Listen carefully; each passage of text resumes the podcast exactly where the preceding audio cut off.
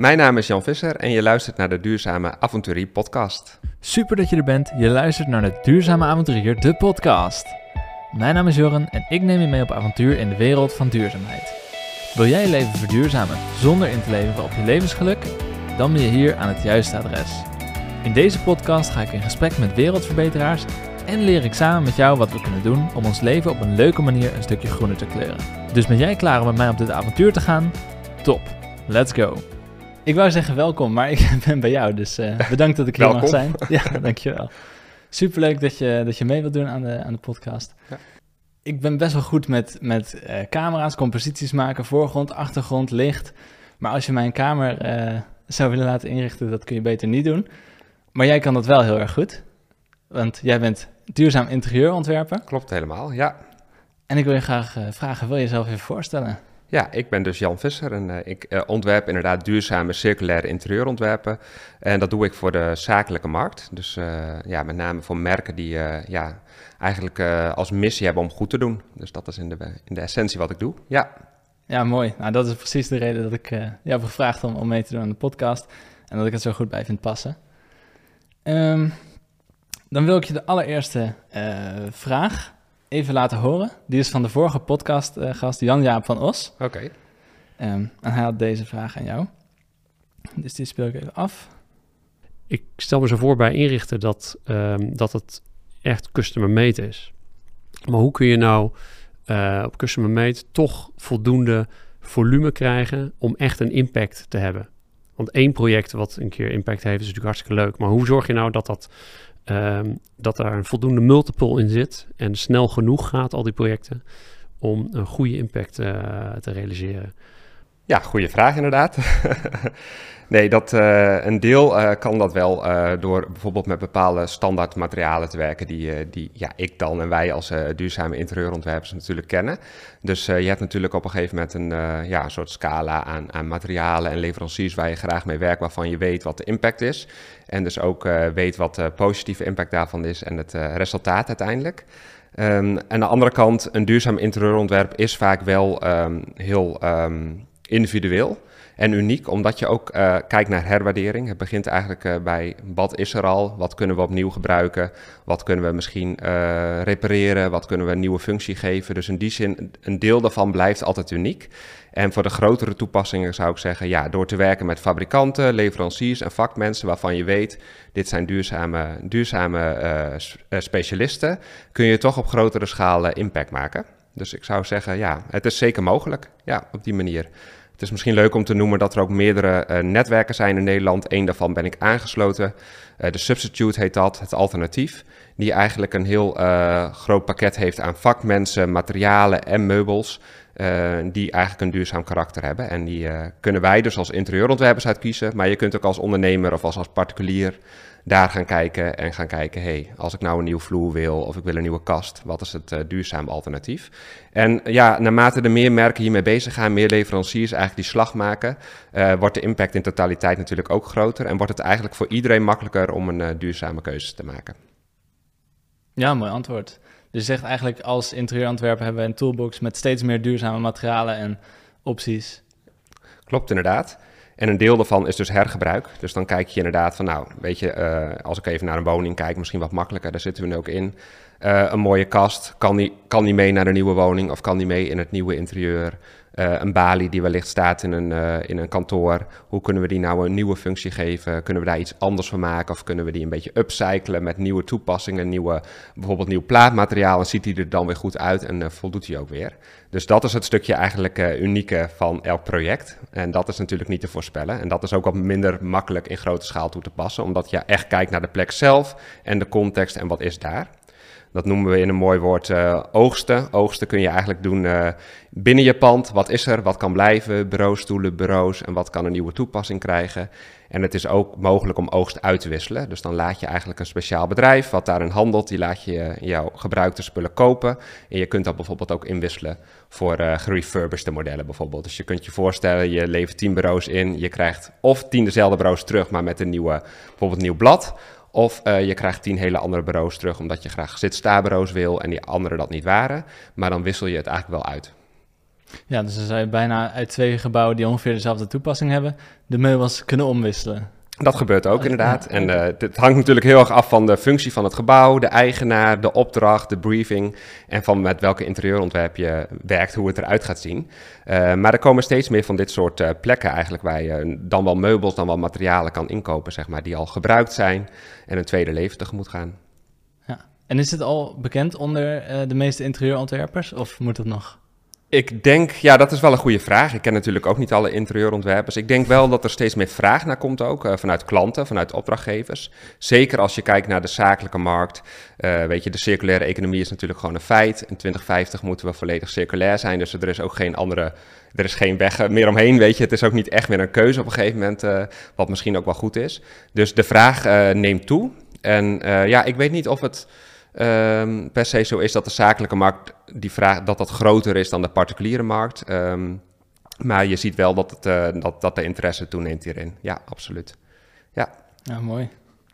Nou, ik denk dat hij uh, blij zal zijn met je antwoord. Mooi. Dan uh, de, de vraag waar we mee beginnen, eigenlijk over jouzelf. Wat is duurzaamheid voor jou? Ja, een hele goede vraag. Moet ik ook eventjes over nadenken. Ja, voor mij staat het wel wat Duurzaamheid wordt denk ik heel vaak ook gekoppeld aan klimaatproblemen, omdat dat nu natuurlijk ook heel aan de, aan de hand is. Voor mij is het ook wel wat breder. Duurzaamheid, ik zie het ook eigenlijk in de algemene manier van leven en eigenlijk een soort toekomstvisie van hoe kunnen wij nou verder uh, op deze planeet, waarbij we niet alle bronnen uh, uitputten en uh, niet het klimaat, nou ja, weet je, niet de klimaatproblemen hebben die we nu hebben. En hoe kunnen we dat met z'n allen doen, zeg maar. Dus niet alleen met 18 miljoen Nederlanders, niet alleen met, weet ik veel, 250.000 mensen hier in de stad, maar eigenlijk met alle 8, ja, 8 miljard mensen, denk ik inmiddels, misschien wel 9, op de hele wereld. Dus voor mij is het eigenlijk een, een, een manier van leven waarbij we ook de planeet leefbaar houden voor toekomstige generaties. Dus ik zie het in die zin best wel breed. En dat heeft dus te maken met interieur, met je materialen, met de manier waarop je verplaatst, met mobiliteit, met reizen, maar ook met hoe we met elkaar omgaan, uh, wat, de bedrijfs, wat de normen zijn binnen een bedrijf, hoe we omgaan met arbeid, uh, hoe we, ja, nou, eigenlijk best wel heel breed. Dus duurzaamheid is een wat een containerbegrip, maar voor mij gaat het wel, ik zie het wel echt als een hele brede benadering eigenlijk van een, ja, van een, van een leefbare toekomst op deze planeet met z'n allen. Ja, ja. ja, begrijp ik. Dus zowel materiaal als energie als mensen als natuur. Precies, gelijkheid. Uh, ja, dus ik ben misschien wat uh, dromerig daarin. Maar ja, goed, dat is toch wel een beeld wat ik erbij heb, inderdaad. Ja. ja. ja. En waarom is duurzaamheid dit dan zo belangrijk voor je? Waarom het gewoon in algemeen. Uh, ja, dus het, je ziet het als een breed ja, probleem of een, een, brede levenswijze. Op Ja. heel veel manieren goed omgaan met bepaalde dingen, mensen. En waarom, waarom vind je dat überhaupt belangrijk? Ja, ik denk met name, ik, ik, mijn eigen intrinsieke motivatie is ook echt wel gewoon richting de toekomst. Uh, ik heb zelf geen kinderen, maar ik denk gewoon aan de kinderen van nu en de kinderen van die kinderen en toekomstige generaties. Um, ja, eigenlijk is het gewoon, voor mij is het belangrijk om gewoon te zorgen dat we hier kunnen blijven leven op een acceptabele, fijne wijze. Um, nou ja, en dat vind ik wel de moeite waard om naar te kijken hoe kun je dat zelf doen. In je persoonlijke leven, maar ook in je, in mijn geval ook in je werkende leven. Als je daar de kans toe hebt, dan is dat natuurlijk mooi om te doen. Dus uh, het gaat mij met name om de mensen, de toekomstige generaties en hoe we met z'n allen ja, hier overleven, zeg maar. Ja. En um, ja, dat, dat doe je dus door middel van je werk. Je noemde het net al even, van uh, als je de kans hebt om het met je werk te doen, uh, dan is dat mooi meegenomen. Ja. Jij doet dat als duurzaam interieurontwerper, maar zou je eens willen vertellen, want dat wordt je niet zomaar, wat jouw uh, carrièrepad is, wat ertoe heeft geleid dat je dit bent gaan doen. Ja, nou, dat is een leuke vraag, zeker ook met het oog op dat stukje duurzaamheid. Want het is niet zo dat ik nou een heel vast omlijnd plan had of een soort routekaart van, uh, nou, nu, nu ga ik dit doen. Ik heb twaalf jaar gewerkt in met name e-commerce en retail en marketing.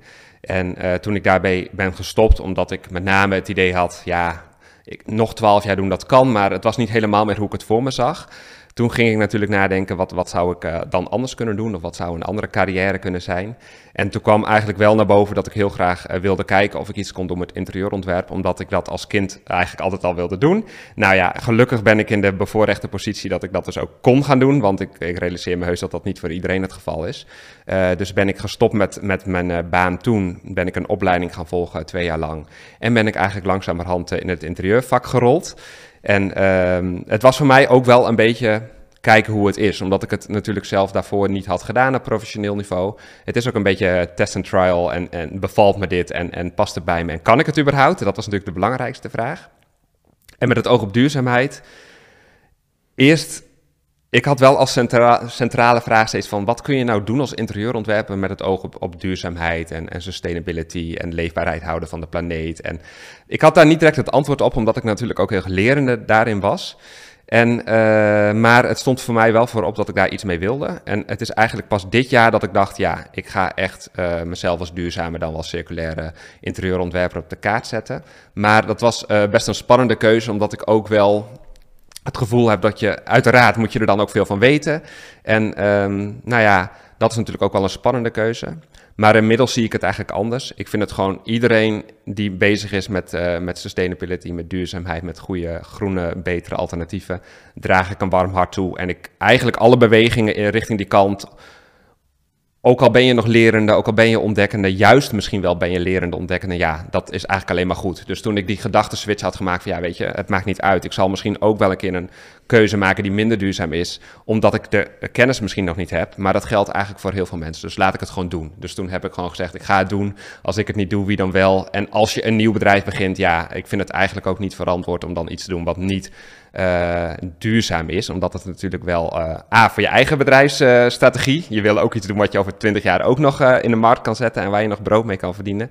En, maar het belangrijkste is natuurlijk gewoon, ja, wat ik net al aangaf, gewoon de leefbaarheid, hou, leefbaar houden van de planeet. goede keuzes maken voor de toekomstige generaties. Ja. Ja, mooi. En dan ben ik wel benieuwd, want je zei, ik had het niet meer zo naar mijn zin in de retail marketing. En toen ben je een bedrijf gestart in duurzaam interieurontwerp. En toen, de ergens daartussen moet een moment zijn geweest dat je dacht, hey, duurzaamheid vind ik belangrijk. Wat was het moment dat je daar, uh, dat, dat, dat het omsloeg? Ik denk, het, het is wel ik deed de deeltijd uh, interieuropleiding op Artemis. Dat is een uh, styling academy in Amsterdam. En dan moet je natuurlijk ook heel veel onderzoek doen en conceptmatig werk en heel veel uh, research en trend forecasting. En ja, dan ga je natuurlijk ook heel verdiepen in wat gebeurt er in de wereld. Dus daar kwam ik al heel snel erachter wat er allemaal aan de hand was en welke problemen zich spelen en hoe je daar eigenlijk als interieurontwerper dan wel stylist op in kan spelen. Dus dat was de ene combinatie. En um, ik was ook begonnen met, uh, met een partner uh, in interieurontwerp. Roem heet het bedrijf, daar werk ik nog steeds mee samen. En daar kregen we ook een hele gave opdracht voor de provincie Friesland om een uh, circulair interieurontwerp te maken voor een van hun kantoren. Dus het was denk ik de combinatie met daar gewoon in de praktijk gerold en gewoon maar aan de slag gegaan met hoe werkt dit. En daar gewoon heel snel lerende een mooi interieur samen met Rianne van Roem neergezet. En eigenlijk het stukje onderzoek en, en wat je leert op je, in je interieuropleiding en je eigen onderzoek in eigen fase waar je doorheen gaat. Dus het was eigenlijk een combinatie van die twee, uh, denk ik. Ja. ja, een beetje theorie en praktijk bij elkaar. Ja, dus. plus natuurlijk, uh, je kunt geen krant openslaan of televisie aanzetten... of het gaat over klimaatverandering in ieder geval. Dus ja, het is natuurlijk ook gewoon een hot topic uh, al jaren. Ja, dus dat speelt ook mee, ja. Ja, dus ja, je wist het dan al dat het belangrijk was. zelf heb je daar misschien altijd wel gevoel bij gehad van... ja, zouden we eigenlijk wat mee moeten doen... Klopt, en heel lang dacht ik, want ik had als centrale vraag tijdens mijn opleiding ook, ja, wat kun je nou als interieurontwerper doen aan dat, nou toen noemde ik het inderdaad klimaatvraagstuk of aan, ja, aan, aan de duurzaamheidstransitie. En ik had daar niet direct het antwoord op, maar nu is het eigenlijk eh, heel helder. Want als interieurontwerpers ja, ben je eigenlijk het probleem. Want wij, als je niets doet aan duurzaamheid, wij creëren eigenlijk een hele berg met afval. Want wij ontwerpen nieuwe interieurs om de vijf jaar, dan kopen we allemaal nieuwe materialen. Misschien niet allemaal even duurzaam, we hangen een heel pand vol met meubels en, en spullen. En eigenlijk zijn we daar gewoon, als, mits je de, als je er niet verstandig mee omgaat, een enorme berg afval aan het uh, creëren. Toen dacht ik, ja, als je onderdeel bent van het probleem, dan kun je ook onderdeel worden van de oplossing. Dus toen werd het eigenlijk allemaal een stuk helderder. Ja. Ja, mooi. Ja. En ik hoorde heel snel even, uh, voor vijf jaar hang je dan uh, nieuwe dingen op, zet je Wijs. Van, is, ja. dat een, is dat een beetje de, de normale termijn, dat dingen... Nou, ik, ik, ik denk wel dat, uh, nou, dat, ik weet niet of dat de normale termijn is, maar als je bijvoorbeeld kijkt naar particulier interieur, zoals nou, deze kamer waar we in zitten, er wordt natuurlijk heel erg ingespeeld door, de, door merken op, op trends. En dat is natuurlijk niet zonder reden. Dat is gewoon om uh, commercie te boosten en meer omzet te draaien en denk ik groei te realiseren. Dus het hele idee van trends en elke keer maar mensen aanspreken uh, met er is weer wat nieuws en nu is niet meer oker in, maar nu is het terra. Dat is natuurlijk niet heel erg duurzaam, omdat je dan als consument ook de hele tijd het gevoel krijgt uh, oh, dit kan eigenlijk niet meer, ik moet het anders doen. Dus ja, ik denk dat heel veel mensen uh, snel uh, van interieurs wisselen, ook door alles wat ze om zich heen zien op televisie. Terwijl ik geloof dat een, en dat is geldt voor particuliere en voor zakelijke interieurs, dat het niet per se een, dat het niet per se trendgebonden moet zijn. Het gaat veel meer om wie ben jij als mens of als bedrijf, wat is jouw missie, waar sta je voor, wat zijn je merkwaarden, wie zijn je klanten. En daar hoort een interieur bij, maar dat hoeft niet om de vijf jaar volledig op de schop. Maar ik snap wel dat je om de vijf jaar, omdat bijvoorbeeld je productaanbod wisselt of omdat je een nieuwe klantgroep wil aanboren, dat zijn natuurlijk allemaal hele legitieme redenen. Maar dat je dan aanpassingen kan doen. En dat, daar sta ik natuurlijk helemaal achter. Maar dat kan ook met bestaand meubilair of uh, met tweedehands meubilair of door iets een nieuwe verf, een nieuwe kleur te geven. Dus het hoeft niet volledige uh, vernieuwing te zijn. En in retail worden interieurs inderdaad, nou, vijf jaar weet ik niet. Ik heb daar geen onderzoek naar gedaan. Maar ik denk als een interieur vijf à tien jaar meegaat, dan, uh, dan is dat lang, zeker. Dat is een interieur, of in uh, retail. Ja. Um, van horen zeggen, kijk, als je, gaat, als je beursstands hebt, uh, evenementen, tentoonstellingen, exposities, ja, dat is soms maar een paar dagen of een paar weken. Dus dat gaat nog veel sneller. Ja. Ja, daar zie je soms ook een soort van woonkamers uh, die ja. in een uh, paar uur worden opgetuigd. Die staan er voor twee dagen en ja. dan is het weer weg. En dat komt natuurlijk ook, uh, niet om namen te noemen, maar sommige fabrikanten, dan wel merken, spelen natuurlijk ook door zeer lage prijzen in. Dat je ook eigenlijk elk weekend wel weer even naar die winkel kan rijden en iets nieuws kan halen. Want ja, voor het geld hoef je het niet te laten. Weet je, een lunch is nog duurder inmiddels. Dus uh, dat uh, wordt natuurlijk ook aangemoedigd door lage prijzen, lage kwaliteit materialen. Het nadeel daarvan is dus dat mensen dus maar blijven kopen.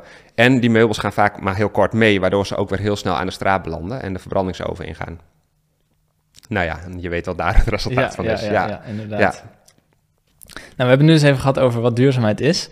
Um, in, in de breedste zin. En je hebt ook al een paar dingen aangekaart van we creëren een afvalberg. En uh, uh, voor, ja, merken die geven je eigenlijk het gevoel dat je, dat je telkens nieuwe spullen nodig hebt.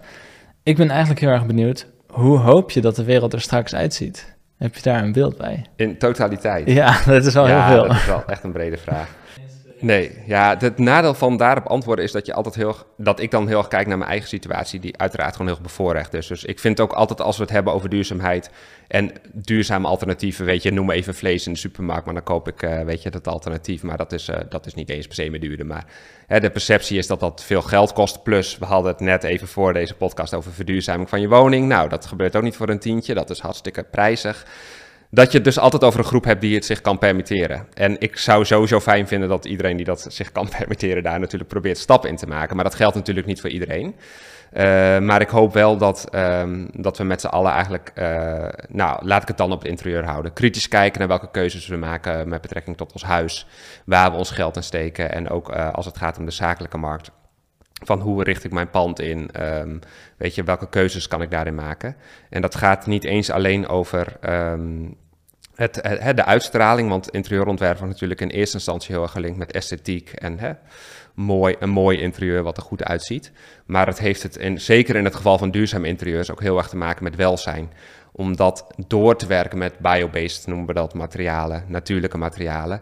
Uh, mensen zich ook fijner voelen in een ruimte, uh, er een betere atmosfeer is, de lucht beter wordt gecirculeerd. Weet je, nou ja, veel klimaateigenschappen komen daar eigenlijk ook bij kijken ten opzichte van een uh, heel steriel betonnen interieur. Dus het gaat natuurlijk niet alleen over het, hoe het eruit ziet, het gaat uiteindelijk over de mens, over de gebruiker over de werknemer, over de klant en over de mensen die in een huis wonen.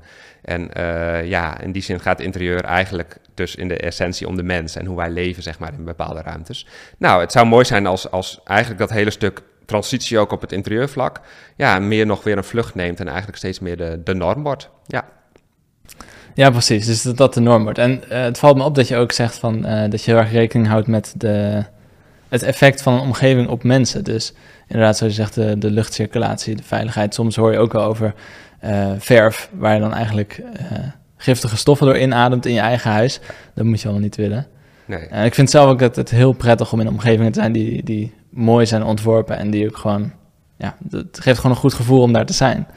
Het ja, precies. Het nadeel van, van de huidige, ik bedoel, ik ben geen econoom, maar even heel kort aanstippen, is dat je betaalt voor de, de, de fabricatiekosten, voor wat zit er nou echt in die bank, wat heeft het inkoop gekost, wat is de marge die je erop maakt, nou ja, weet je wat, andere kosten die, uh, die een verkopen maakt om het rendabel te houden. Maar je betaalt niet voor de impact die het heeft op nou, klimaat. En eigenlijk de bredere zin van mhm. wat waren de werkomstandigheden? Hoe is het hier gekomen? Is het verscheept met een? Verscheept of is het hier naartoe gevlogen? wat is de impact geweest op biodiversiteit? Dus er is natuurlijk veel meer aan de hand met alles wat je koopt dan alleen maar die prijs die je daar ziet in de winkel. En daar is ook bij mij, er is natuurlijk heel veel onkunde daar nog over en onwetendheid, omdat het ons ook niet verteld wordt. Dus in die zin uh, denk ik dat, dat het ook mooi zou zijn als mensen gewoon bewuster inderdaad worden van, nou ja, weet je, wat, wat is de impact van dit op zijn geheel, op eigenlijk, hè, op onze planeet?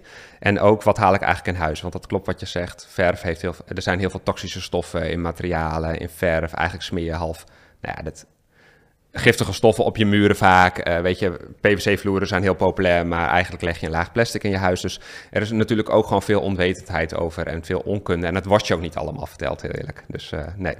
Ja, hoe was dat in jouw opleiding? Um, onze opleiding, mijn opleiding was niet heel gericht op materiaalkennis zelf. Het ging veel meer over conceptmatige werken en tot een interieurconcept komen wat echt past bij je klant en uh, bij zijn of haar wensen. En uh, ja, dus nee, dat, dat, is, dat is informatie die je bijvoorbeeld bij het netwerk wat ik net aanstipte, maar natuurlijk ook op internet kan vinden. En ik zou het ook iedereen aanraden, ook als particulier of als ondernemer, om gewoon ook kritische vragen te blijven stellen aan, aan hetgene wat je koopt. Waar wordt het gemaakt? Door wie wordt het gemaakt? In welke omstandigheid wordt het gemaakt? Dat zijn natuurlijk allemaal dingen die je prima mag vragen en ook hoopt antwoord op te krijgen. Ja. ja. En de voorbespreking hadden we het daar ook wel even over. De, die keten is vaak niet uh, transparant of niet transparant genoeg. Dat je weet inderdaad wat de werkomstandigheden waren, ja. wat je allemaal noemt en wat erin zit. En dan ben ik wel heel benieuwd of je voor, nou, zowel particulier als zakelijk, maar laten we particulier beginnen. Als je een huis hebt ingericht voor jezelf, uh, of je gaat dat doen, waar kun je dan rekening mee houden dat je het toch zo duurzaam mogelijk doet, zowel qua materiaal als qua uh, voor je eigen gezondheid? Ja, nou, qua materialen, ik zou gewoon kijken naar uh, wat heb ik al. Um, wat vind ik eigenlijk heel mooi? Of wat vond, ik, wat vond ik heel mooi, maar ben ik nu wat op uitgekeken, maar wil ik eigenlijk wel mijn huis houden? Dus een stukje, stukje herwaardering. Dus wat is er eigenlijk al? Stel, je hebt een hele mooie houten vloer. Ja, dan is een gietvloer misschien heel gaaf, omdat je dat in elk boomblad kijkt. Maar dan is ziet. Maar dan zou ik toch wel uh, willen vragen, of in ieder geval kritisch over nadenken. Nou, weet je, kan die vloer misschien toch blijven? Want kijk, het behouden van iets en het niet aanschaffen van een nieuw iets, dat is natuurlijk het meest duurzame wat je kan doen. Weet je, feitelijk zou je, zegt men, niks moeten kopen. Nou, dan hebben we wel andere problemen in de wereld, want dan komt er geen geld meer in de staatskas en dat soort zaken. Dus zo simpel is dat natuurlijk niet. Maar het is natuurlijk beter om iets niet te doen dan wel te doen als het gaat om, uh, om consumptie. Um, de tweede is dat je kan kijken naar uh, hergebruik van, uh, van materialen dus, en meubels. Je hoeft niet per se alles nieuw te kopen. Je kunt ook kijken naar, hey, misschien is er op, uh, dat hoeft niet eens een kringloop te zijn. Er zijn echt hele mooie kwalitatieve winkels tegenwoordig die, die gebruikt meubilair verkopen van designmerken. Dus wat ook gewoon echt wel heel tof uitziet. Dus dat zou je kunnen doen. En um, je kunt natuurlijk kijken naar als je toch iets nieuws koopt. Uh, ja, hoe is het dus gemaakt? Dus kun je het kopen van een uh, merk met een duurzame missie, uh, een eerlijk product van materia kwalitatieve materialen die langer meegaan. En ik zou me dus niet te veel willen laten leiden door trends. Dus ik denk dat het altijd goed is om als, ja, wie dan ook, ga je bezig met het interieur, echt te kijken naar, ja, waar voel ik me thuis? Wat vind ik fijn? Hoe is mijn gebruik van de ruimte? Nou, een interieurontwerper denkt met jou mee. Hè, wat zijn de functies? Wat is de gebruiksruimtes? Wat, wat doen we hier?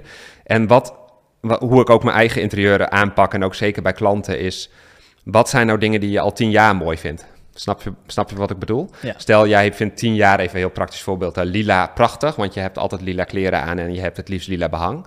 Ja, dan zou ik denken, waarom zou je dan opeens overgaan op een hele andere kleur? Dan zou ik dus blijven bij iets wat, wat je aan het hart ligt, omdat je dan ook weet dat je het langer mooi gaat vinden en dus langer mee gaat doen. En qua gezondheid, ja, dan is het echt gewoon kritisch kijken naar wat haal je in huis en de kritische vragen stellen. Dus je, er zijn uh, zat websites en tal van websites op internet en dus ook duurzame interieurontwerpers die je daarbij helpen. Dus qua verf, qua hout, qua stukwerk, um, eigenlijk alle basismaterialen in huis, vloeren, daar zijn duurzame alternatieven voor kan er even een paar noemen. Populaire, de Forbo-vloer, dat uh, mag prima merken noemen, want het is een heel goed, uh, goed merk. Okay. Die maken uh, marmeleum of linoleum. dat is volgens mij voor bijna 100% biobased. in plaats van stuk zou je leemstuk op de muur kunnen smeren. Dat is volgens mij zand met klei, dus dat is een puur natuurlijk materiaal. Hout is natuurlijk afhankelijk van waar je het vandaan haalt ook duurzamer of duurzaam. Dus eigenlijk is er bijna voor alles in huis een een duurzaam alternatief te bedenken. Dus dat kan heel makkelijk. En dat betekent dus duurzaamheid in de zin van geen of minder impact op het klimaat, een langere levensduur omdat het een waardevolle materiaal ook vaak is, maar ook omdat je gezondheid daar wel bij vaart. Ja. ja, precies. Nou, dan ben ik blij dat ik uh, het, voordat ik jou sprak al een beetje goed heb gedaan met het inrichten van ons huis. Want we hebben echt, ik denk wel 99% van de spullen uit, uit kringloopwinkels. Ja. En het meeste daarvan is ook weer hout. Dat is een beetje wat terugkomt. We hebben natuurlijk wel wat dingen door elkaar gedaan. Qua stijl is het niet meer helemaal, um, ja, hoe je het in, in, een blad zou zien. Nee. Maar het is wel gezellig met allerlei ja, bij elkaar verzamelde spullen. Ja, Alleen met verf heb ik er nog niet echt op gelet toen. Ja, nou, dat, kun je, dat is zeker nog wel de moeite waard. Er zijn, uh, er zijn wel, in ieder geval, er zijn zoal acht merken, ik zal ze niet, dat, die zal ik niet bijna noemen, waarvan ik weet dat ze uh, duurzame verf maken. Dus dat, daar is een hele wereld van en dat is echt een ontzettend groot aanbod al in. Ik was er zelf laatst eentje tegengekomen, die heet Verf. Uh, ja. die is dus fair in het Engels, F-A-I-R. Ja. Ja, en dan een F erachter. Ja, dat is er één inderdaad, verf. Okay, ja. Uh, dan ben ik wel benieuwd, welke duurzame keuzes maak je persoonlijk? Ja, dat is een goede vraag. Die moet je natuurlijk altijd stellen. Ja, wat, dat, daar haakte ik net al een beetje op in. Voor mij is het ook een transitie. En um, ik heb kijk je meegedaan met het Klimaatgesprek. Dat is een hele leuke organisatie. Echt, uh, nou, voor de ondernemers die luisteren. Klimaatgesprek heet het volgens mij. We kijken er een keer naar. En daar werd me heel duidelijk uitgelegd dat als je een lijn van, in, van duurzaamheidstransitie hebt, stel je hebt dat, dan uh, zit iedereen ergens natuurlijk op die lijn tussen A en B.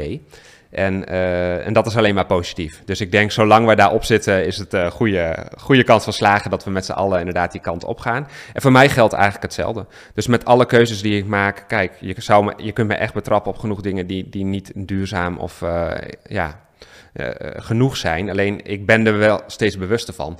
Dus dat is denk ik gewoon positief. Dus ik, ik wil het ook altijd vanaf de positieve kan benadrukken, want ik geloof niet in te veel angst, angstboodschappen en te veel doemdenkerij. Ook al is dat echt wel terecht, want natuurlijk weten we dat het niet de goede kant op gaat. Maar ik geloof niet dat je daarmee uh, beweging in gang zet. Dus uh, we hadden het net even over de trein. Dus je, je denkt steeds vaker naar, hey, kan ik de trein niet pakken? Kan er een auto de deur uit? Hoe ga ik op vakantie? nou ja, bij alles wat, wat je doet, en ook voor mijzelf, ga, ga ik bewuster nadenken. En ja, dat kan nog ontzettend veel. Maar uh, ik denk dat dat ook mooi is. Juist die bewustwording, en dat geldt voor iedereen. En iedereen zit op een ander punt. Ik sprak inderdaad iemand die zei: Joh, ik heb, heb een elektrische auto gekocht. En die is nu al aan toe al. Maar die gaat haar auto nu wegdoen. Nou ja, weet je, die, dat kan. En terwijl een ander misschien nu toe is aan de eerste elektrische auto, of nog niet eens daar is, of, of misschien nooit een auto wil. Maar weet je, iedereen zit op een ander vlak. En dat geldt ook voor mezelf. En ik probeer gewoon steeds bewuster uh, de keuzes te maken. Ja. Ja, mooi. En zonnepanelen? Zonnepanelen inderdaad op het dak. Ja, ja, nee, dat klopt inderdaad, ja. Nee, de positieve insteek, dat lijkt me ook goed. En het werkt ook het meest besmettelijk voor je omgeving. Ja, precies. En, en weet je, de vingertjes wijzen en uh, dat, dat helpt niet, weet je. Dat, uh, dat, daar ben ik zelf ook niet van gediend.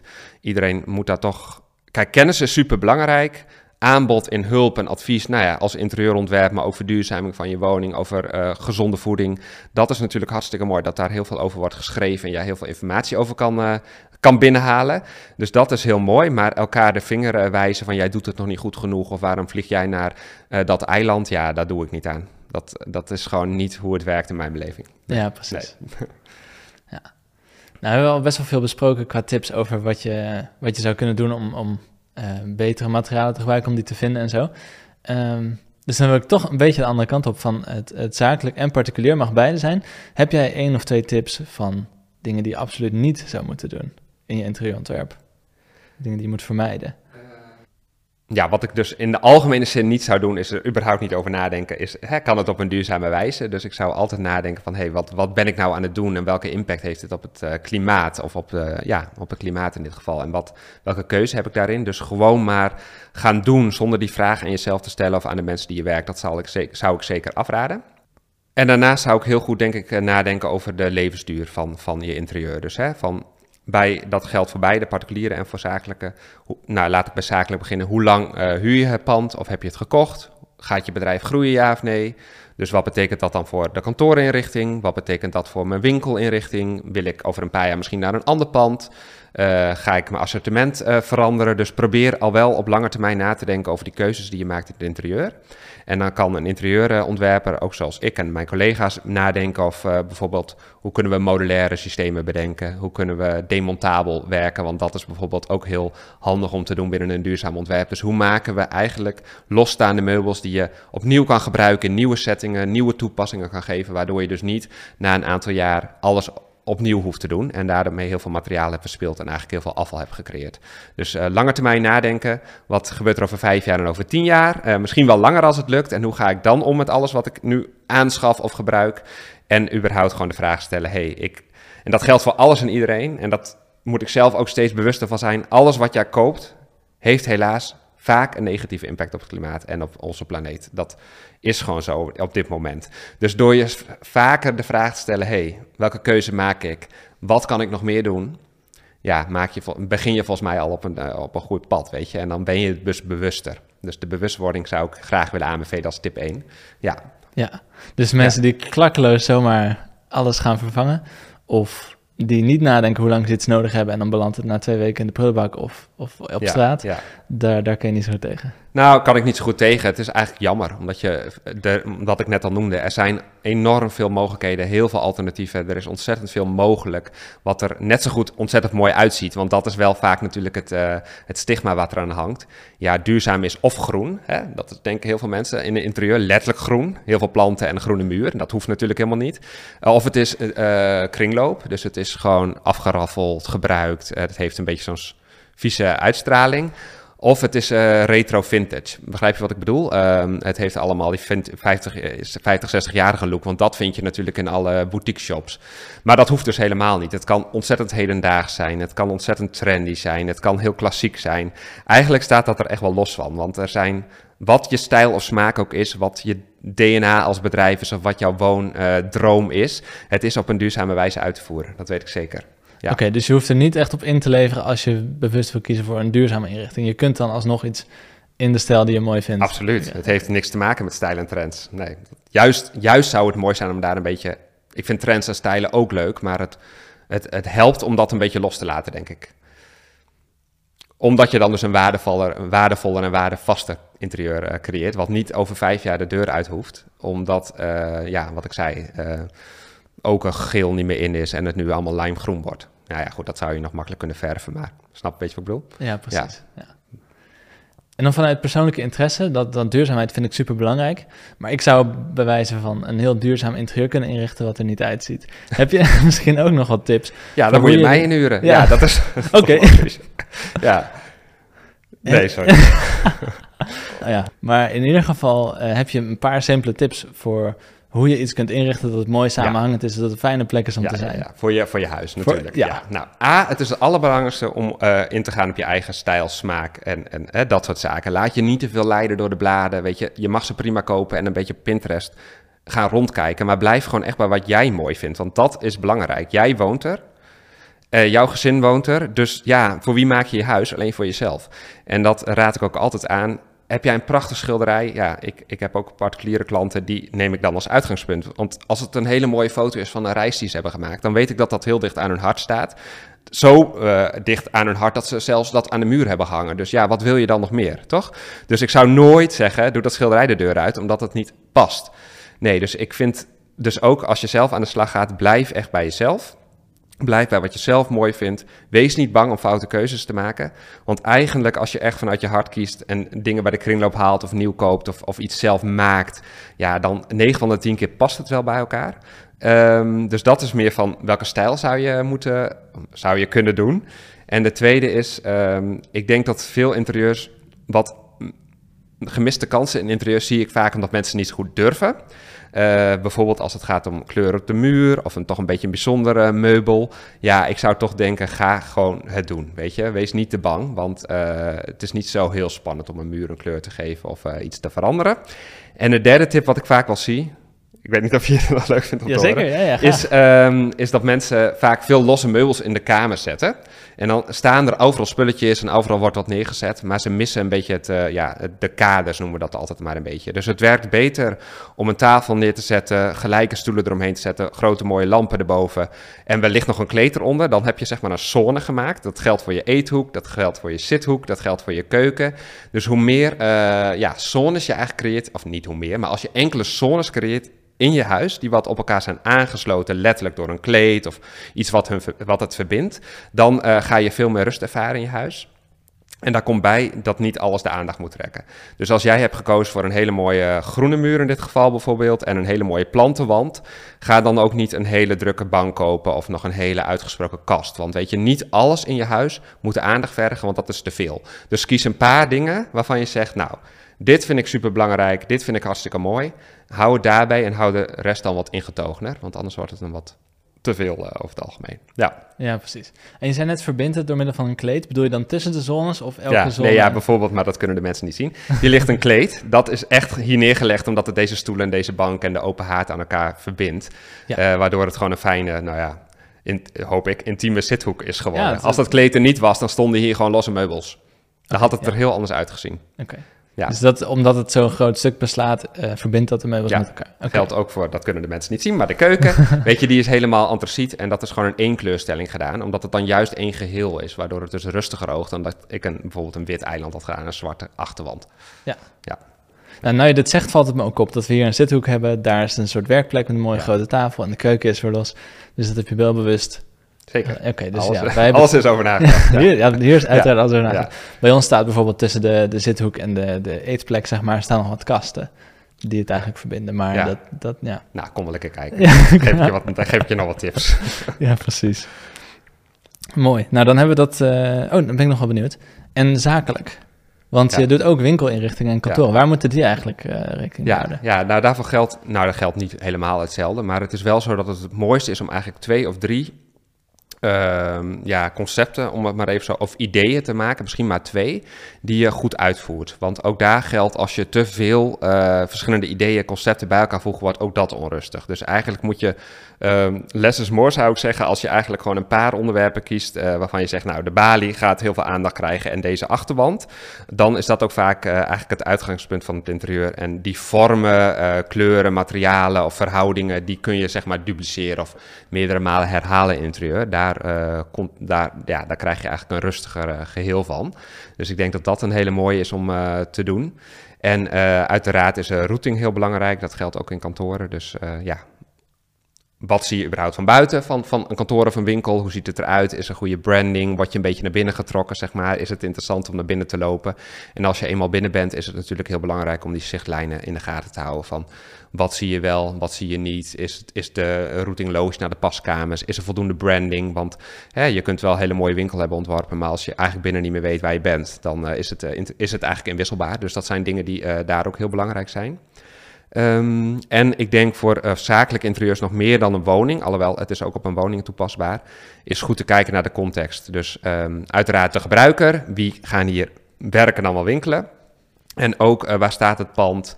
Eh, heeft het een bepaalde oorsprong? Heeft het een bepaalde historie? Is er iets in de buurt waar we op in kunnen spelen? Dus ehm, het is denk ik goed om te kijken naar het gebouw en wat past erin.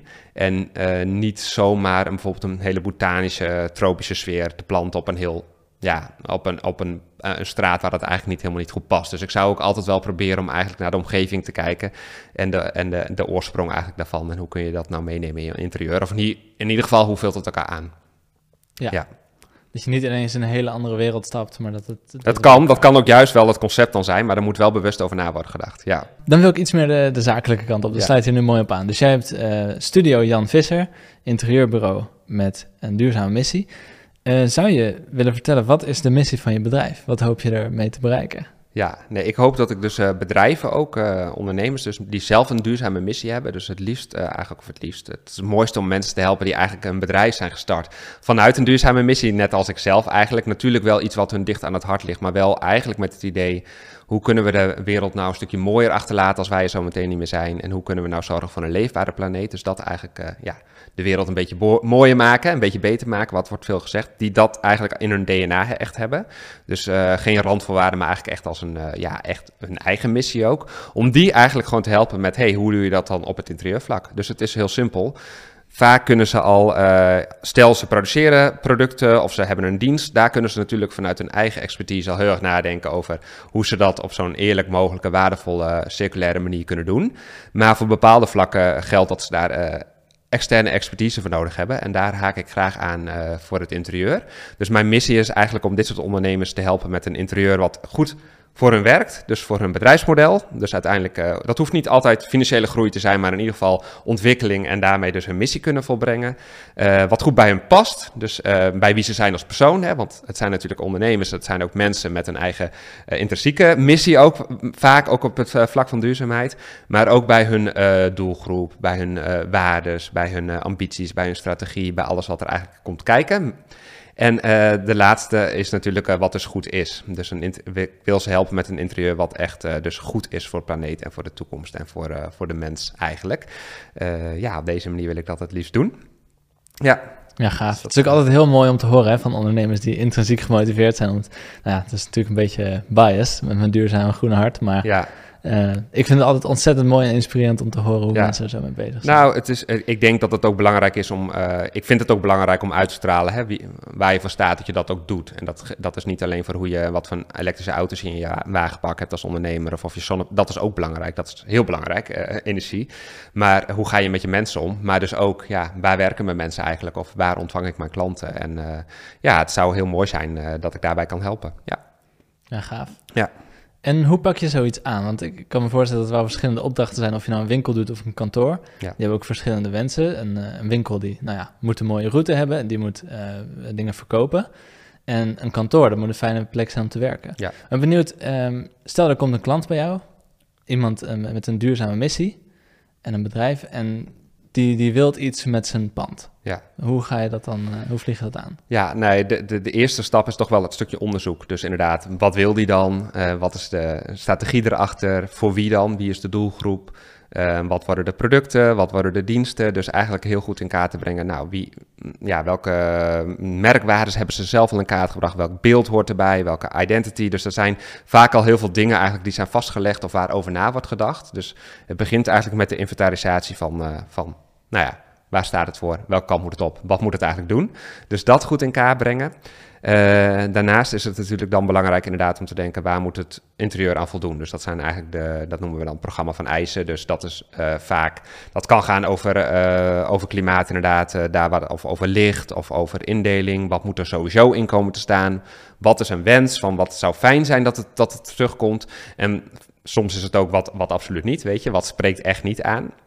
Nou, dan kan het voorkomen dat opdrachtgevers zelf ook al een bepaalde uh, stijl of sfeer in hun hoofd hebben, of daar eigenlijk al idee over hebben. Dus die uh, neem ik dan zeker mee. En uh, de vervolgstap is eigenlijk om te beginnen met een conceptontwerp of een, een, schetsontwerp. Dus dan beginnen we eigenlijk met de plattegrond. Dus dat is nog 2D. een vlekkenplan heet dat in de interieurwereld. Wat komt waar? Wat zijn de verschillende mogelijkheden qua routing en qua sonering? Weet je, wat, wat kunnen we daarin onderbrengen? En dat, is, dat in combinatie met een soort moodboard en materialen en kleuren is vaak de eerste stap. Dus dan ga je met je opdrachtgever kijken, hey, zo zouden we het kunnen inrichten in de basis. Dit is de sfeer die ik voor ogen heb, sluit dat aan. Dit zijn de kleuren en materialen. En binnen duurzaamheid is het, uh, een duurzaam interieur. Ga je dus ook kijken naar wat is er al? Wat kunnen we gebruiken? Waar staan nog meubels die misschien hergebruikt kunnen worden? Wat kennen we nog? Wat, wat hebben we gevonden? Of wat, uh, wat zit al een beetje in de oogstkaas, zeg maar, om het zo te noemen. En vanaf daar ga je eigenlijk gaandeweg, want samenwerking met een opdrachtgever is heel belangrijk, um, steeds verder in de fases van het interieur. Dus na de schets komt het voorlopig ontwerp, dus dan krijgt het echt een vorm. Komen er 3D-tekeningen bij, schetsjes, aanzichten, dus dan wordt het steeds concreter. En richting het uh, definitief ontwerp, dan ga je ook echt bezig met de uitvoering. Dus uh, ik doe het interieurontwerp en de uitvoering wordt gedaan door uh, vakmensen, interieurbouwers en andere specialisten. En dan ga je eigenlijk echt de punt op de, puntjes op de i zetten eigenlijk en wordt het gerealiseerd. Ja. ja, dan gaat het van plan naar echt in naar de fysieke ruimte. Ja, ja, ja dat is natuurlijk superleuk. Ja. ja. En um, hoe weet je dan of het geslaagd is? Ja, Zeg maar, eh, want zo'n on, eh, de, on- hoe heet het, de opdrachtgever die krijgt dan een ontwerp. Ja. Die kan dan op zijn eigen gevoel zeggen van... nou, ik vind het mooi, ik vind het passen bij mijn uitstraling Ja. en zo. Ehm, maar moet hij het bijvoorbeeld ook delen met zijn personeel Ja, of met nou, klanten? dat, dat, dat zullen de meeste opdrachtgevers zeker doen, omdat eh, veel bedrijven werken ook vaak in een hecht, nou niet altijd, maar een hecht teamverband. En dat wordt zeker gedeeld. Hè? Dat is, je kunt soms een klankbordgroep hebben, een, eh, dus er kunnen projectteams worden opgestart. Eigenlijk, er zijn natuurlijk meerdere mensen bij betrokken bij een interieurplan. Dus per fase wordt het vaak ook gedeeld en wordt de feedback binnengehaald, wat weer verwerkt kan worden in de volgende eh, hè, fase. Ehm, dus dat, dat is heel belangrijk. En hoe weet je dat het geslaagd is? Na de realisatie, die stap sloeg ik even over, of die sla ik niet over, maar dat is het eindresultaat in die zin. Het stopt nooit, want het is altijd in ontwikkeling en interieur. Ja. Maar is het natuurlijk belangrijk om met gebruikers weer in gesprek te gaan. Nou, werkt het? Kun je alles kwijt? Weet je, even heel praktisch. Eh, heb je genoeg plek om je laptop te stallen? Eh, weet je, als het gaat om een kantoor, is er genoeg plek voor toch die mappen die je nog hebt? Over een winkel, past alles erin? Weet je, hoe werkt het nou in de praktijk? Want je zult altijd zien dat als het er is, je moet het toch proefondervindelijk een beetje gaan gebruiken. En dan zul je toch zien dat er nog wat aanpassingen nodig zijn. Wat natuurlijk helemaal prima is. Dus dat is kort daarna, bij gebruikername. Dus hoe weet je dat het is gelukt? Ja, is het een succes? Kun je in allerlei factoren natuurlijk uitdrukken. Dat hangt dus ook van, je, van het plan af. Weet je. Moest het meer geld opleveren, wat natuurlijk prima kan? Moet het meer klantbinding opleveren? Weet je, wat, wat wilden we ermee bereiken? Meer werkplezier. Ik kan me voorstellen voor een kantoor, veel mensen werken nu thuis, maar hè, veel eh, ondernemers of ja, vinden het toch ook wel fijn dat mensen af en toe eens even naar kantoor komen. Al was het maar om elkaar te zien, die sociale verbinding bijvoorbeeld op te starten. Eh, ja, dat zou iets kunnen zijn wat je kan meten natuurlijk achteraf. Eh, misschien niet eh, heel specifiek, maar je kunt het wel uitvragen en een kleine enquête doen. En een interieur, ja, na een jaar is het altijd ook goed om weer even te sparren met de opdrachtgever. Van, joh, was het nou goed? Weet je, zijn er nieuwe dingen veranderd? Heb je meer personeel of minder? of meer? Heb je nieuwe producten? Dus het is ook een organisch proces. Ja, Ja, absoluut. ja. En het is ook heel eh, menselijk. Iedereen die gaat er straks gewoon gebruik van maken. Ja. Die, die komt erin. En die, die zal inderdaad meer nadenken over praktische dingen. Zoals je dat nu zegt, kan ik me heel goed voorstellen.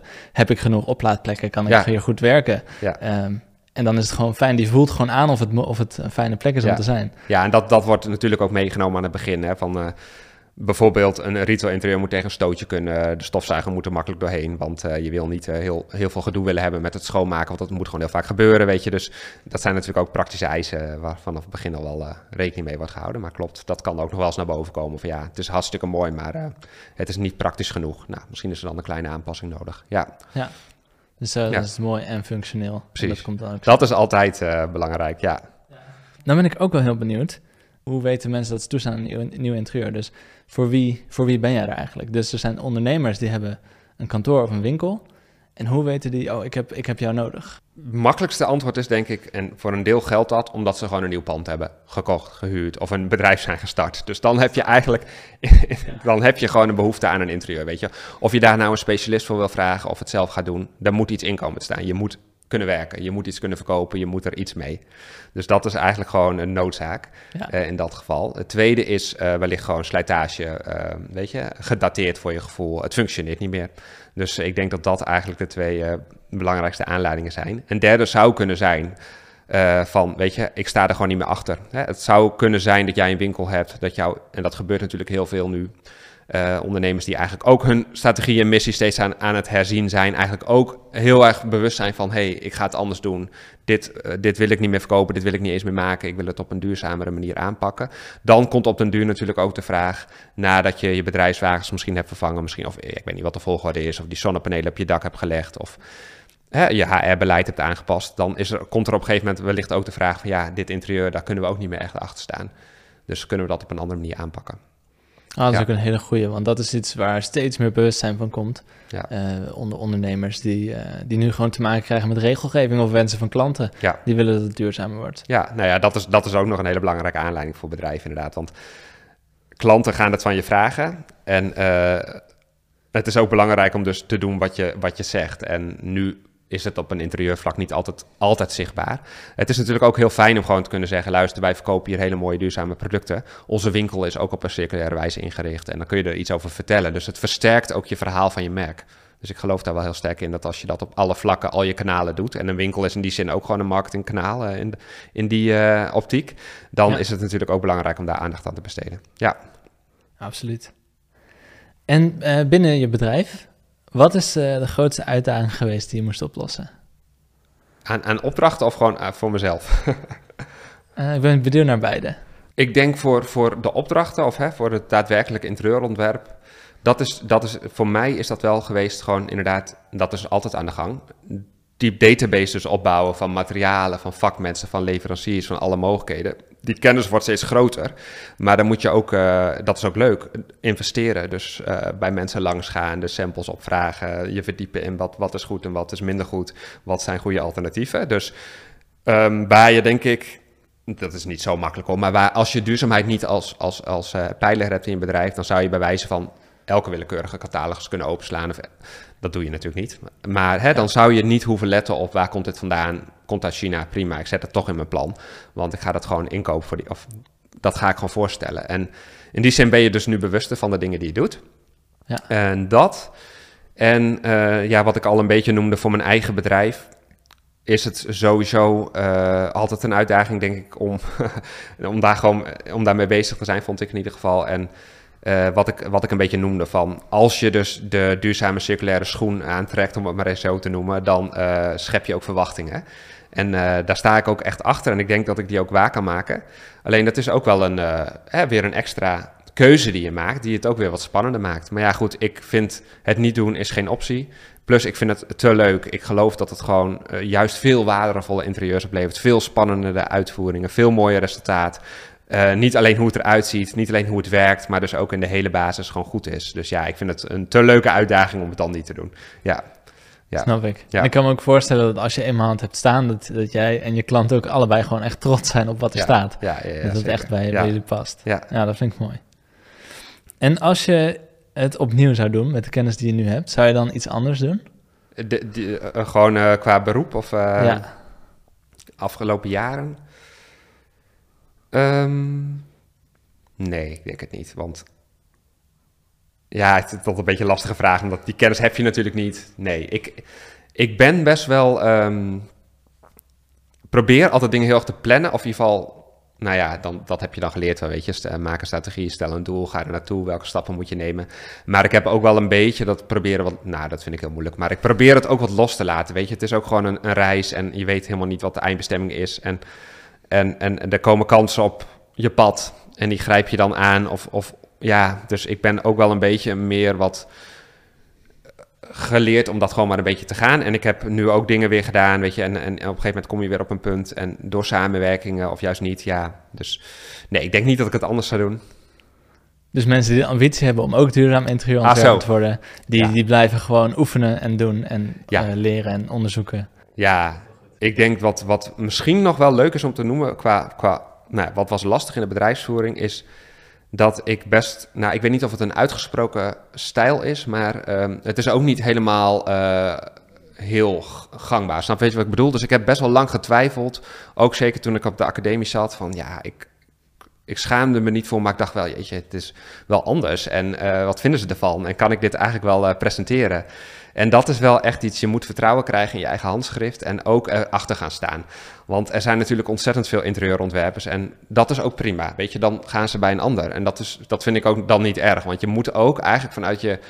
Tuurlijk pas je, pas je niet aan, tuurlijk werk je naar de, naar de opdracht van je klant, maar juist ook voor interieurontwerpers is het belangrijk dat je een bepaalde ja, handtekening hebt, zeg maar. Ik denk dat ik dat ook nog wel een, uh, een, iets is wat ik echt een beetje moest overwinnen, zeg maar. Dat stuk van ik ga hier gewoon mee naar buiten treden en dit is, ja, dit is wat ik maak en dit is hoe het gaat. Dus dit is hoe het eruit ziet. Ja. Nou, heel interessant. Ja.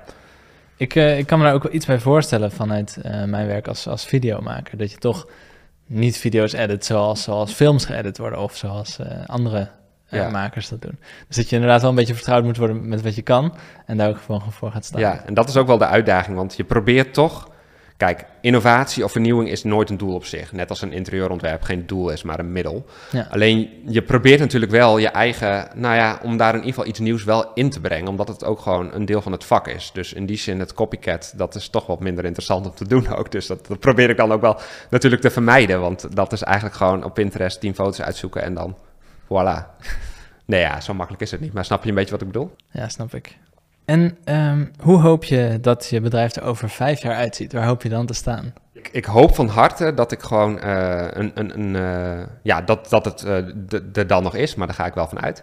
En dat ik gewoon een, ja, gewoon een hele leuke job eraan heb. Dus eigenlijk door mijn eigen ja, toch talenten en, en, ja, skills eigenlijk te gebruiken op het vlak van interieurontwerp. Dus gewoon heel veel ondernemers daarmee mag helpen en daar blij en trots op zijn. En uiteindelijk dus dat grotere doel kan dienen. En dat ik er natuurlijk ook eerlijk zelf gewoon een boterham mee kan verdienen, want dat is natuurlijk ook niks mis mee. Dus eigenlijk dat. Dus een goed lopend, ja uh, bedrijf met, met een leuk klantportfolio uh, en eigenlijk gewoon uh, dat ik mijn missie dus waar kan maken met mijn opdrachtgevers. Ja. En dat is wat je nou ook al doet. Ja, dus we, gaan, we gaan gewoon verder en elke fase die heeft weer een nieuwe uitdaging, maar dat is ook leuk. Nou, dan heb ik wat, wat vragen ja. van de luisteraars die ik graag aan je wil stellen.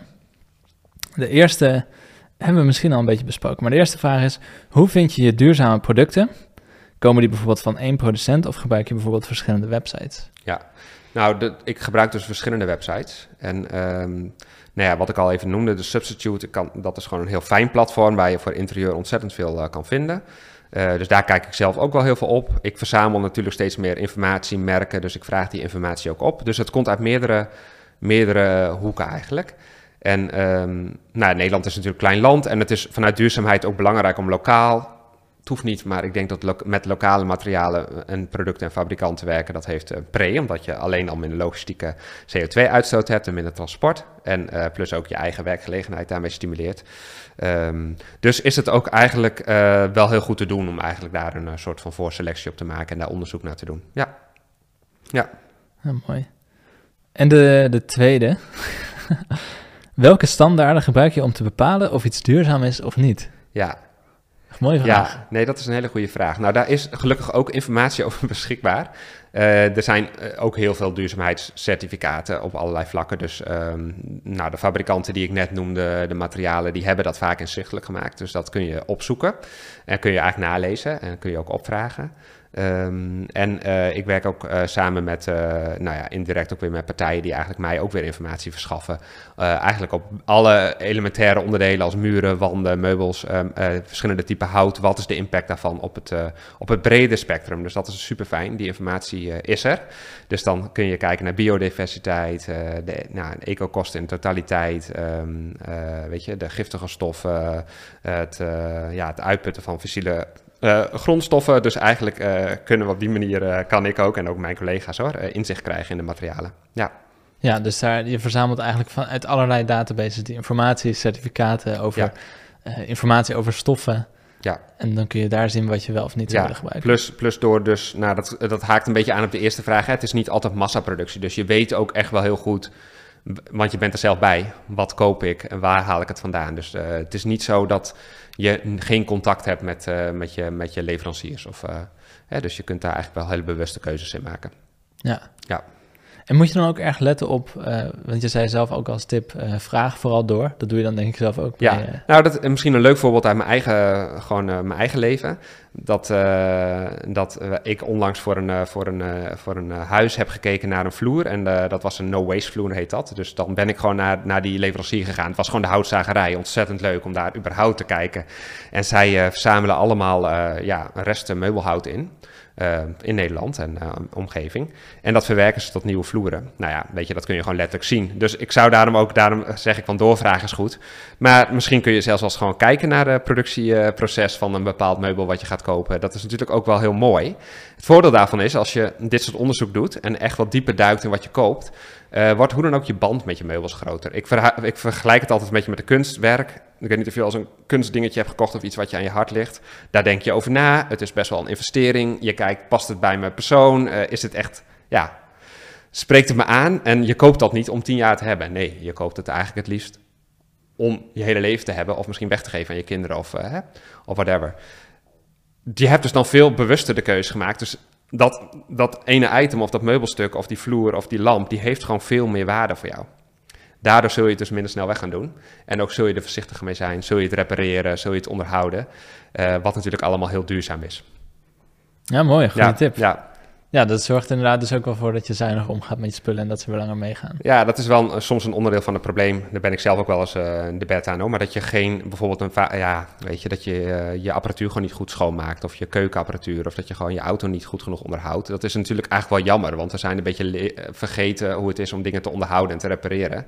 Wat natuurlijk eigenlijk de basis is van, eh, van een langer bestaan van een product. Dus een duurzame lifestyle. Om het Ja. maar zo te noemen. Ja, ja. Ja, die ambacht mag ook wel weer een beetje terugkomen. Ja, dat maar daar ben ik zelf ook. eh, ik bedoel, ik vind het. eh, ik kan niet eens een band vervangen als ik heel eerlijk ben. Dus nee, dat. Nou, dat Ja. lukt mij nog net, maar met mijn racefiets moest ik dat ook weer even opnieuw leren. ja, Maar ik heb to- toevallig ergens nog een oude, oude fietspomp. En dat is echt zo'n nou, cilinder met een houten handvat en zo. ja, Nou, die, dat gaat al zo lang mee en dat werkt eh, zo goed. En ik kan me voorstellen dat ik in mijn kindertijd nog wel eens een pomp gewoon heb gebroken of zo, weet je wel? Dat het gewoon minder kwaliteit was. Ja. Dus ja, ik hoop wel dat het ook terug gaat komen. ja. Ja, dat is grappig dat je het zegt, het terugkomen. Want heel veel dingen vanuit duurzaamheid nu en dat containerbegrip en weet je, het circulaire economie, niet alles, maar veel, eh, gaat eigenlijk terug naar waar we, ik niet, maar wij ooit vandaan kwamen, weet je. Want er werd vroeger gebouwd met, eh met biobased materiaal, omdat er niks anders was. We bouwden huizen van leem, eh, van lokaal hout. We deden geen stukwerk aan de binnenkant, maar dat was ook allemaal natuurproducten en zand. En eh, ja, eigenlijk heel veel van die dingen, hè, gezond eten, weet je, lokaal eten, dat was eigenlijk allemaal onderdeel van onze cultuur. Maar ja, dat zijn we wat verloren inderdaad. Ja, Ja, ligt een duurzame inrichting enkel aan de producten die je erin zet? Of zijn er ook nog andere factoren op invloed of zijn er technieken voor?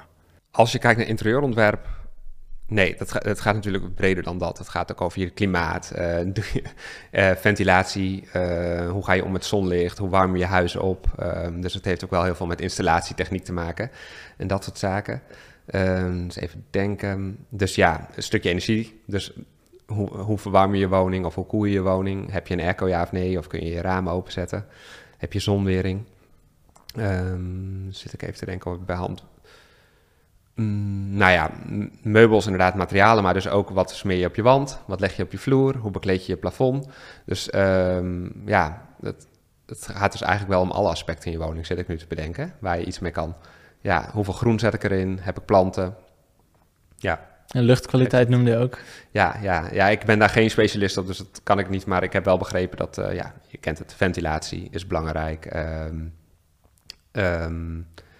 ja, de luchtkwaliteit in huis. Nou, die giftige stoffen, die toxische stoffen, die, eh, die eigenlijk in bijna alles zitten wat je in huis had. Hè. Fineermeubeltjes of zo, zitten eigenlijk allemaal eh, eh, gif in. Dus ja, dat, dat helpt natuurlijk niet heel erg aan het binnenklimaat van je woning. Dus dat is wel zeker iets waar je over na kan denken. Ja. Ja, dus dat gaat over duurzaam omgaan met je mensen. Duurzaam omgaan met je mensen. Uiteindelijk heeft het dus allemaal invloed op de mens. En, en Ja. onze leefkwaliteit eigenlijk. Ja, absoluut. Goeie. Nou, de volgende vraag is: heb je een tip voor studenten die een klein budget hebben, maar die toch hun inrichting willen verduurzamen? Ja. Nou ja, dat, ik denk dat het jouw tip is. Ik zou, dus, eh, ik zou dan denk ik beginnen met... eh, ik zou eerder hergebruikt me- meubels kopen, dus tweedehands... dan eh, nieuw kopen bij de IKEA. Ja, het is toch zo. Want dat kost ook niet heel veel geld. Alleen het gaat ook niet heel lang mee. Plus, ik ben zelf student geweest. Er komt een fase, dan ga je hopelijk wat meer verdienen... en dan gaan die IKEA-meubels allemaal rap het huis uit. Dat is gewoon vaak hoe het gaat. Dus dan ga je alsnog allemaal nieuwe meubels aanschaffen. Dus ja, eigenlijk is het heel leuk om eh, je, je woning wat meer op de markt, eh, misschien gratis op marktplaats, bij een kringloop of bij andere mooie, eh, weet ik veel, er zijn veel van die, van die plekken waar je dat eigenlijk kan doen, bij elkaar te verzamelen. Want dan is het meubel al gemaakt, weet je, heeft het een langere levensduur en creëer je volgens mij ook gewoon een heel interessant interieur. Dus eigenlijk zou ik dat wel echt leuk vinden als uitdaging. En het grappige is, ik moest er gisteren even over nadenken. Ik heb het zelf net zo gedaan. Ik vond als student interieurontwerp al hartstikke leuk. En alles in mijn woning, letterlijk alles, kwam van de kringloop. En ik kreeg toch altijd vaak, vaak complimenten over de woning. Behalve de verf en zo, dat kan natuurlijk niet van de kringloop. Maar ik denk bijna alle accessoires, de bank, alles eh, had, eh, ja, was tweedehands. En eh, dat zag er toch nog wel heel erg leuk uit. Dus het is geen, geen schande, vind ik. Nee. Ja, dan wil ik daar ook nog. Ik vind het echt een leuke vraag ook. ehm, hoe je goedkoper kunt verduurzamen. Ik heb dat zelf ook gedaan bij de, bij de kringloopwinkel natuurlijk. En al- als ondernemer moet je natuurlijk nooit zeggen van, eh, van vraag om korting. Want ondernemers moeten eigenlijk eh, geen korting geven. Die moeten gewoon staan voor eh, wat ze waard zijn. Maar bij kringloopwinkels zie ik dat stiekem toch wel een beetje anders. Eh, want dit is eigenlijk een transportbedrijf. Zij halen die meubels op en die verkopen ze weer in een winkel. Maar wees dan vooral ook niet bang om eh, toch te vragen om die korting. Bij, bij tweedehands meubels heb je toch soms dat een, een leuning een klein beetje los zit of dat een pootje een beetje gedraaid zit. Ehm, dat kun je vaak nog wel repareren of, of goed eh, schroeven. Maar als je een bank koopt voor bijvoorbeeld 90 euro die er staat in de showroom, dan kunnen daar wel een paar tientjes vanaf. Ja, Dat is ook wel een leuke uitdaging om, eh, om dat soort dingen te vragen en te onderhandelen. Ja. Dat heb ik zelf ook wel een paar keer gedaan, dus eh, Ja. dat is erg leuk. En misschien als je zelf wat handig bent, dan zou je ook zelf eh, meubeltjes kunnen gaan maken natuurlijk. Maar dan moet je ergens hout vandaan zien te krijgen. Ik heb geen idee hoor, dat, eh, dat kan op een hele leuke manier. En misschien wel de makkelijkste, dat kost helemaal geen geld, is gewoon langs de straat kijken. Want daar valt best wel vaak wat weg te halen bij het oud vuil. En daar liggen vaak wel hele toffe dingen van vaak ook wel hele goede materialen waar mensen gewoon op uitgekeken zijn. Eh, dus als je echt eh, geen budget hebt, dan zou ik dat een keer proberen. En vul een keer de term gratis in op Marktplaats. Kijk eens wat er naar boven komt. Want er zijn ontzettend veel mensen waarvan geld niet altijd een probleem is, maar toch van hun spullen al willen. En liefst zo snel mogelijk.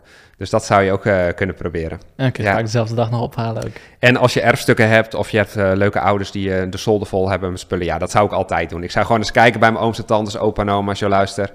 Wat staat er nou allemaal in jullie schuur? Want wellicht staan er hele toffe dingen Ja. ja, die je zo mee kan nemen. En die hebben ook nog een heel mooi verhaal, dus dat is natuurlijk wel echt heel erg leuk. Ja. Absoluut, ja. Dus soms kom je ook echt van die pareltjes tegen. Ik heb zelf in mijn, eh, mijn werkkamer, die noem ik de studio, want daar film ik ook, eh, oude filmcamera's van mijn opa bijvoorbeeld staan. Ja, Ja, dat is prachtig. Die ga ik ook gewoon houden en daar laten. ja, ja en eh, dat is natuurlijk superleuk. En je, Ja. kunt, je kunt bepaalde meubels heel snel eh, nou ja, up, upcyclen of, of eh, refurbishen. Bijvoorbeeld, je kunt gewoon een, lamp, een staande voet kopen van een lamp en je draait er een nieuw kapje op of misschien heb je nog een kapje. Kijk, dan, dat zijn natuurlijk eigenlijk nog hele eenvoudige manieren, maar je kunt ook iets een nieuw verftintje geven, je kunt iets opschuren. Dus je kunt eigenlijk ook wel heel makkelijk ja, dingen een nieuw leven geven, zeg maar, waardoor het toch past bij je eigen stijl. Mooi. Ja. Nou, ik hoop dat je daarmee eh, uit de voeten kunt. de vraag 5, die hebben we al een beetje behandeld. Hoe ben je op dit werk gekomen? Ja. ja, dus eigenlijk gewoon een beetje een jeugddroom eh, proberen te waar te maken. En gewoon te onderzo- onderzoeken van, is het wat voor mij? Ja, Nou, dan is eh, de volgende vraag. Is jouw eigen huis duurzaam ingericht? Nou, dat is een terechte vraag. ja nee. Nee, dat is een, echt een hele goede vraag. Grotendeels niet, omdat dit huis is vier jaar oud nu. En eh, ja, weet je, wat ik zei, ik zit zelf ook in die, eh, in die transformatie. En ik, ik was daar toen minder mee bezig. Ik zat in gewoon best wel, hoe noem je dat? Commerciële banen. Ik zat in een hele andere omgeving. Niet, niet per se fout, maar het was gewoon niet iets waar ik heel veel over nadacht. Dus ik heb vooral hier dingen uitgezocht omdat ze mooi zijn. En nu heb ik wel echt besloten om eh, daar een, ook een slag in te maken. En dat begint eigenlijk heel simpel om ervoor te zorgen dat we dit dus lang kunnen gebruiken. Of eh, hè, dat we er zuinig op zijn of eh, weer kunnen verhuizen.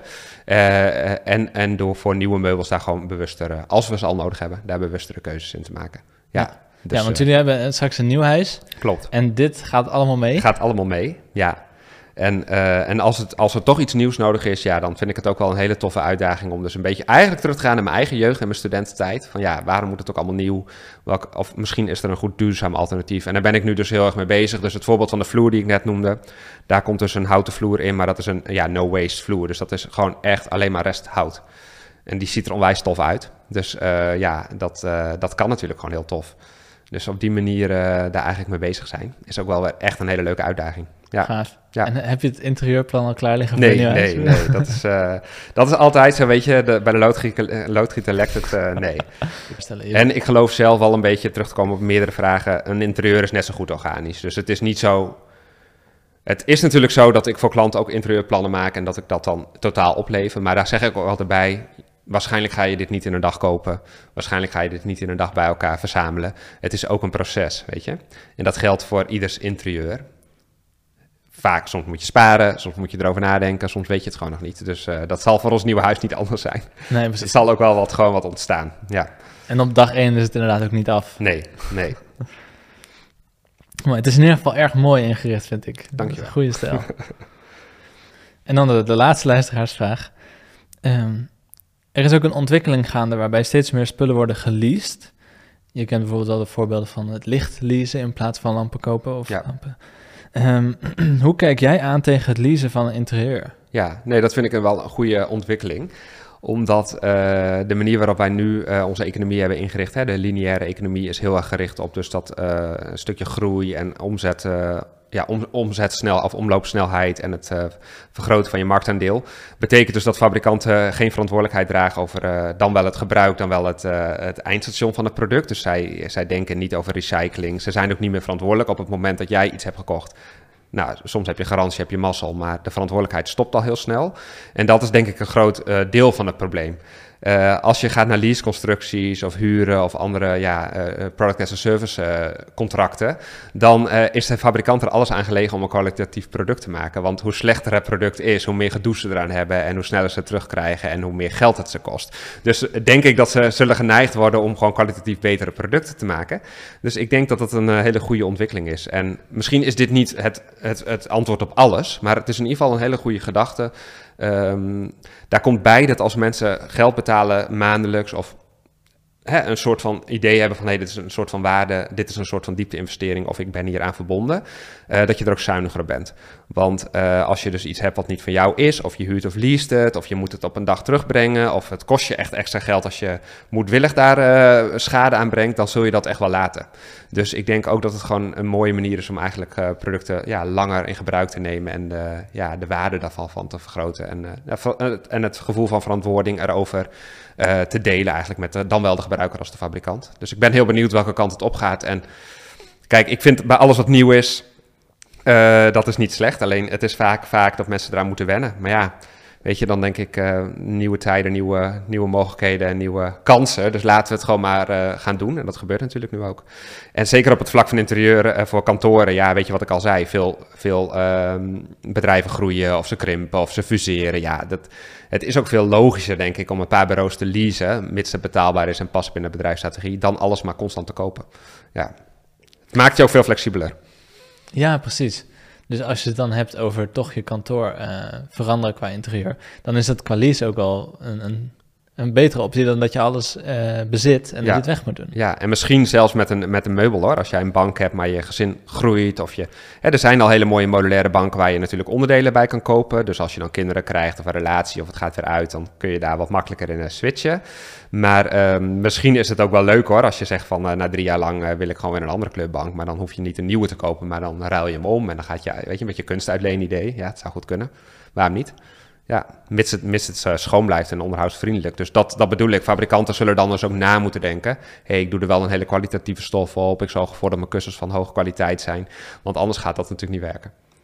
Ja, ja precies. Maar dan zal je minder gauw uh, geplande veroudering in, uh, in ja. producten hebben. Ja. En zullen fabrikanten ook mensen aanmoedigen om er goed mee om te gaan? Zeker. Ja, dan krijg je opeens een handleiding en een gebruik die wel heel leesbaar is en die jou echt tips gaat geven over hoe je. Dat gebeurt natuurlijk wel, hè? dit is natuurlijk niet nieuw, maar dan is het bij meer producten het geval. Ja. Hè, want uh, die tafel die hier staat, heb ik gewoon een onderhoudsbox bij gekregen. Daar wordt gewoon uitgelegd, joh, om de zoveel jaar kun je hem even opschuren. En dan, weet je, dat is natuurlijk hartstikke fijn. Dat wordt je gewoon eigenlijk allemaal aangediend. Ja, ja. ja. Ik ben benieuwd waar die, waar die ontwikkeling ook heen gaat. Ja, ja. Oké, okay, nou dat waren de luisteraarsvragen. Leuk. Dan, uh, tot slot laatste vraag. Is er nog een vraag die ik had moeten stellen, maar die ik niet heb gesteld? Nou, nee. Volgens mij zijn alle vragen gesteld. Uh, veel antwoord, ja. ja. ja. Oké, okay, dan ga ik je on, on the spot zetten. Daar komen ze. Dit zijn uh, twintig gemene tegenstellingen oh, ja. of dilemma's, waarvan je één van de twee moet kiezen. Spannend. En je moet meteen, meteen roepen. En oh. helemaal aan het eind mag je op eentje terugkomen. Oké. Okay, okay. Maar je mag ze dus ook niet uitleggen tussendoor. Nee, oké, oké. Oké, het begint een beetje makkelijk. Ochtend of avond? Ochtend. Sport of muziek? Sport. Strand of bos? Bos. Kasteel of tiny house? Tiny house. Alleen nog maar kweekvlees of alleen nog maar veganistisch eten? Veganistisch. Elektrische fiets of elektrische auto? Auto. Biologische groenten verpakt in plastic of niet-biologische groenten, maar zonder plastic? Uh, bio, ik denk biologische groenten in plastic. Inzetten op duurzame technologie of inzetten op duurzame gedragsverandering? Gedragsverandering. Kernenergie of aardgas? Ja, weet ik te weinig van. Ik zou zeggen kernenergie, maar gokje. Milieu of maatschappij? Uh, maatschappij. Denken of doen? Doen. Leiden of volgen? Mm, volgen. Winst of impact? Impact. Circulair of lokaal? Uh, circulair. Duurzaamheid of ondernemerschap? Um,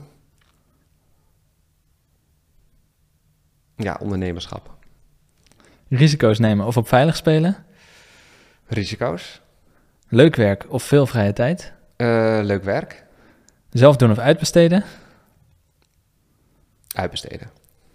Uiteindelijk komt alles goed. Of daar heb je twijfels over? Nou, daar heb ik al twijfels over, ja, helaas. Ja, Duurzaam leven beperkt of duurzaam leven verrijkt? eh, het laatste. Mooi. Wil je nog op eentje terugkomen? Ja, ik zit, dat waren er wel veel. Maar twee van wist ik gewoon te weinig inhoudelijk. Weet je, aardgas of kernenergie, heel eerlijk. Ik heb er niet eh, voldoende van gelezen, dus ik weet niet welke verstandiger is. Ik weet niet of jij dat weet. Uiteindelijk zou ik voor degene gaan die eh, ja, het minste impact heeft, uiteraard. En het beste is voor klimaat. Geen idee. En het biologische en het, eh, en het eh, groente en het fruit.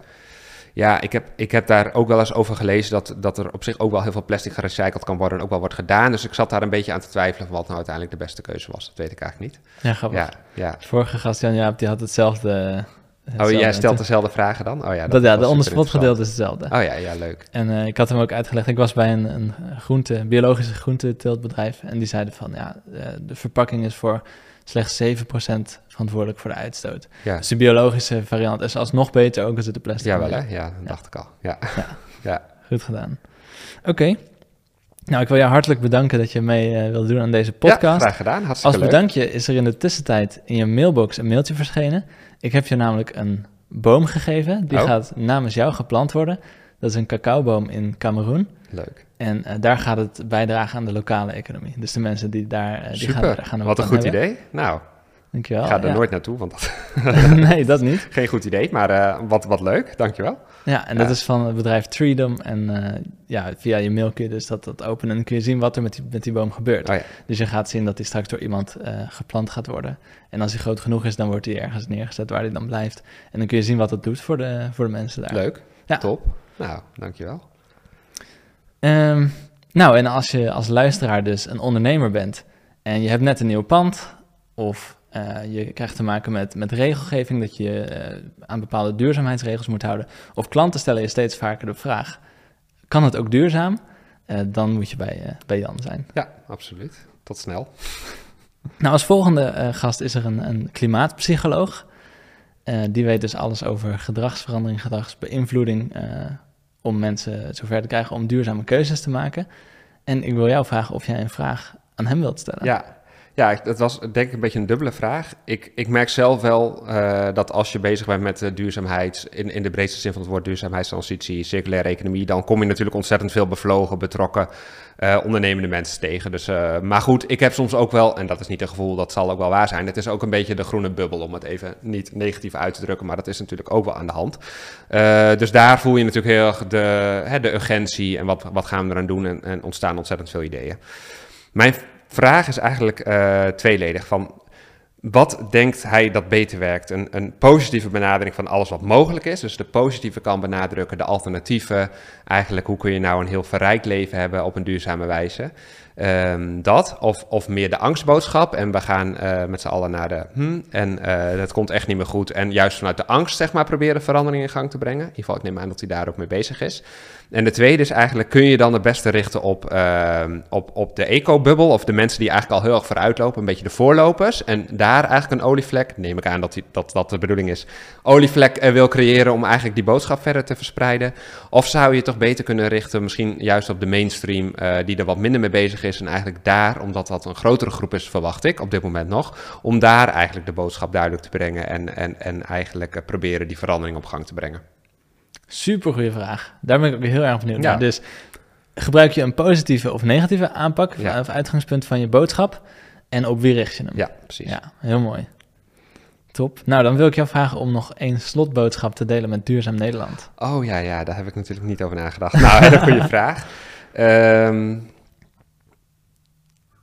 nee, mijn, mijn slotboodschap is dat, eh, dat eigenlijk alles wat, jij, wat je doet of kan doen, of waar je aan denkt, zeg maar, eh, wat kan bijdragen aan een eh, leefbare planeet en een, ja, aan een duurzame samenleving, ja, pak het aan. En probeer dan misschien net als ik niet te veel te denken in belemmeringen of de angst dat mensen je af zullen vallen of vinden dat je te weinig eh, weet. Maar ga daar toch mee aan de slag en wees gewoon eerlijk en open daar ook in. En, en blijf vooral praten met mensen, samenwerken, samen dingen onderzoeken, samen dingen bedenken. Want we zijn allemaal dus ergens op die reis aan de slag en we kunnen allemaal wel iets doen. Maar laat je niet eh, weerhouden door eh, het feit dat je denkt dat je te weinig weet of te weinig doet. Ik geloof heel erg dat alles wat, je- wat je kan doen of alles wat je bedenkt, ja, laten we gewoon aan de slag gaan. Eh, de tijd van het denken, dat dat is denk ik wel voorbij. We hebben ontzettend veel antwoorden nu, we hebben ontzettend veel oplossingen. Eigenlijk weten we in de basis wel wat ons te doen staat. Ja, laten we het gewoon doen en laten we allemaal kijken hoe we daar naar bij kunnen dragen. Ja.